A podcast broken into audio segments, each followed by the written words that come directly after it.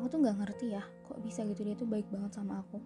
Padahal aku tuh sering banget nyuekin dia terus aku juga pernah gak ngikutin dia maunya apa. Dan parahnya nih aku tuh sering banget datang ke dia kalau lagi butuh doang. Tapi dia tuh selalu ngasih yang terbaik buat aku. Bayangin coba bayangin. Dia tuh selalu maafin aku selalu ngasih aku kesempatan. Kayaknya dia terlalu baik buat aku. Eits, tenang aja, endingnya nggak putus kok. Emang sinetron. Assalamualaikum warahmatullahi wabarakatuh. Ladies and gentlemen, welcome on board PISAHOOD, presented by Trust Sisterhood. With Sister Nyayu Salma as the main host in this board, please fasten your seatbelt and enjoy the show. Thank you for choosing our airlines. We are ready to take off. Yo, what's up guys? Apa kabarnya? Di hari ke-19 kita berpuasa. Sekaligus malam ke-20 juga ya sekarang ini. Which mean malam ini kita sudah mulai memasuki 1 per 3 bulan yang terakhir di bulan Ramadan. So, gimana nih kabarnya? Makin semangat atau malah jadi lemes nih ngebayangin Idul Fitri kita kita nggak mudik, terus kita nggak ngumpul-ngumpul bareng keluarga besar, terus gak dapet THR gitu ya. Padahal tahun lalu aja THR-nya udah dikit, apalagi sekarang nggak ngumpul, makin aja nih gak dapet THR kita. Heh, atau mungkin nih teman-teman sekalian ada yang masih kejebak di tanah rantaunya, gak bisa pulang. Terus udah ngecek website berharap ada penerbangan, tapi ternyata tetap aja nggak ada. Ya pokoknya sedih banget deh ini mah. Padahal rencananya tuh tahun ini mau pulang. Mau lebaran di rumah Tapi malah nggak didukung sama kondisi. Hah sering banget kan kita kayak gini. Apa yang ada tuh nggak sejalan sama apa yang kita mau. Kayak seluruh semesta tuh nggak ada yang support kita maunya apa. Widih hiperbola banget ya kedengeran ya. Tapi emang pas kita jalanin tuh rasanya selebay itu sih. Bener-bener kecewa banget ketika kita udah bikin rancangan sebaik mungkin. Eh nggak taunya gagal Terus kita juga udah ngusahain yang sebaik mungkin, eh taunya bener-bener nggak bisa. Ends up kita nggak punya pilihan lain dan malah bertanya-tanya. Aduh, ya Allah, kenapa gini banget sih gue? Dah dulu, itu baru intro. Masih ada lagi nih tambahannya.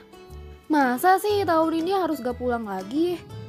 Aduh, kenapa sih gak ada yang ngertiin aku? Kenapa sih dunia tuh gak adil banget?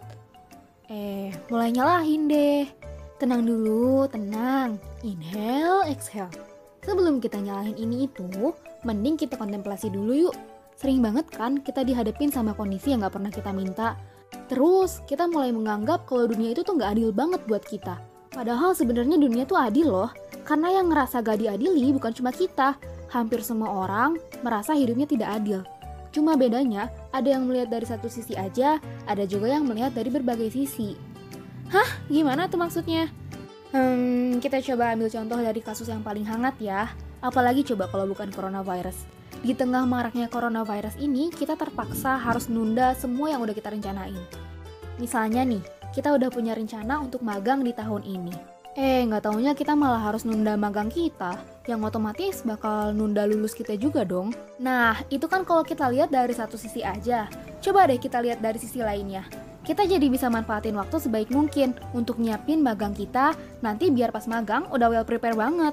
Habis itu kita lulus deh dan ternyata kita malah ditarik lagi sama perusahaan magang kita.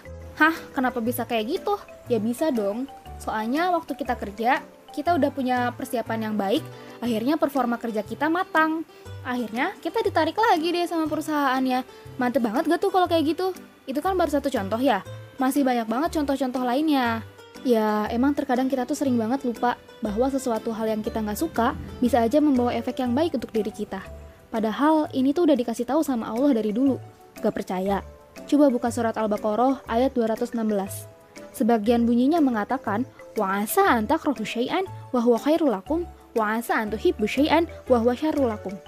Bisa jadi suatu hal yang kamu nggak suka itu baik untuk kamu, sedangkan hal yang kamu suka itu tidak baik untuk kamu. Nah dari sini tuh kita bisa lihat kalau misalnya skenario Allah tuh emang yang udah paling bagus sudah buat diri kita. Emang Allah tuh udah baik banget sama kita. Padahal sering banget nih kita nyalahin takdirnya. Bahkan panggilan Allah aja sering banget kita cuekin. Tapi kebalikan nih, kalau misalnya kita lalai terus kita buat salah sama Allah, Allah tuh nggak langsung marah sama kita, nggak langsung kayak jeleger, kamu diazab, nggak kayak gitu kan? Dan kalau kita buat salah tuh Allah pasti maafin. Nah, sekarang kan Allahnya udah baik banget. Tinggal balik lagi ke diri kitanya. Mau nggak mensyukuri baiknya Allah itu? Coba kita terima dulu kondisi kita yang kayak gini. Kita damai dulu sama situasi. Habis itu kita akan lebih mudah untuk bersyukur kepada Allah. Dan percaya atau enggak, ketika kita bersyukur kepada Allah, sebenarnya itu tuh kita bersyukur kepada diri kita sendiri. Dan ketika kita bersyukur kepada diri kita sendiri, kita akan lebih ikhlas menerima takdir yang udah Allah siapin buat kita. Aku tuh udah berusaha banget untuk bersyukur, tapi kok susah banget ya? Jawabannya adalah sabar. Di podcast kemarin kan udah disebutin bahwa sabar adalah inti dari segala iman. Nah, sebenarnya dua itu aja udah cukup banget kok untuk menyadarkan kita sebaik apa Allah ini. Jadi, kita sebagai muslim, sebaiknya dua hal itulah yang kita rasakan ketika kita bangun dari tidur kita. Kalau yang bersyukur pasti mikirnya gimana pun kondisinya pasti selalu ada yang bisa disyukurin kok. Walaupun itu kecil, tapi kan tetap aja bisa disyukurin. Dan ketika kita bangun dengan sabar, pasti mikirnya gimana pun kondisinya, sabar aja ya semoga aja ada hikmahnya. Mungkin kita tuh lagi diuji sama Allah. Sabar aja, ini juga ada pahalanya kok. Kan jadi enak ke kitanya. Ngejalanin aktivitas juga kan nggak jadi misuh-misuh bawaannya. Ya intinya Allah tuh nggak bakal ninggalin kita dan gak bakal ngasih suatu hal yang kita tuh gak sanggup untuk jalaninnya. Emang Allah tuh terlalu baik buat kita yang kerjaannya bikin dosa mulu. Bahkan kalau misalnya kita mau ngomongin baik-baiknya Allah nih ya, gak bakal cukup satu jam podcast. Pasti bakal panjang banget, gak tahu kapan selesainya. Nah, daripada podcast kali ini terlalu panjang, ngomongin baik-baiknya Allah, mendingan aku tutup aja kali ya sampai sini. Baik-baiknya dari aku silahkan diambil, yang buruk-buruknya dibuang aja jauh-jauh. Mohon maaf kalau misalnya ada salah kata atau ada yang tersinggung. Mudah-mudahan bermanfaat untuk kita semua. Wassalamualaikum warahmatullahi wabarakatuh and see you in the next episode. Bye bye.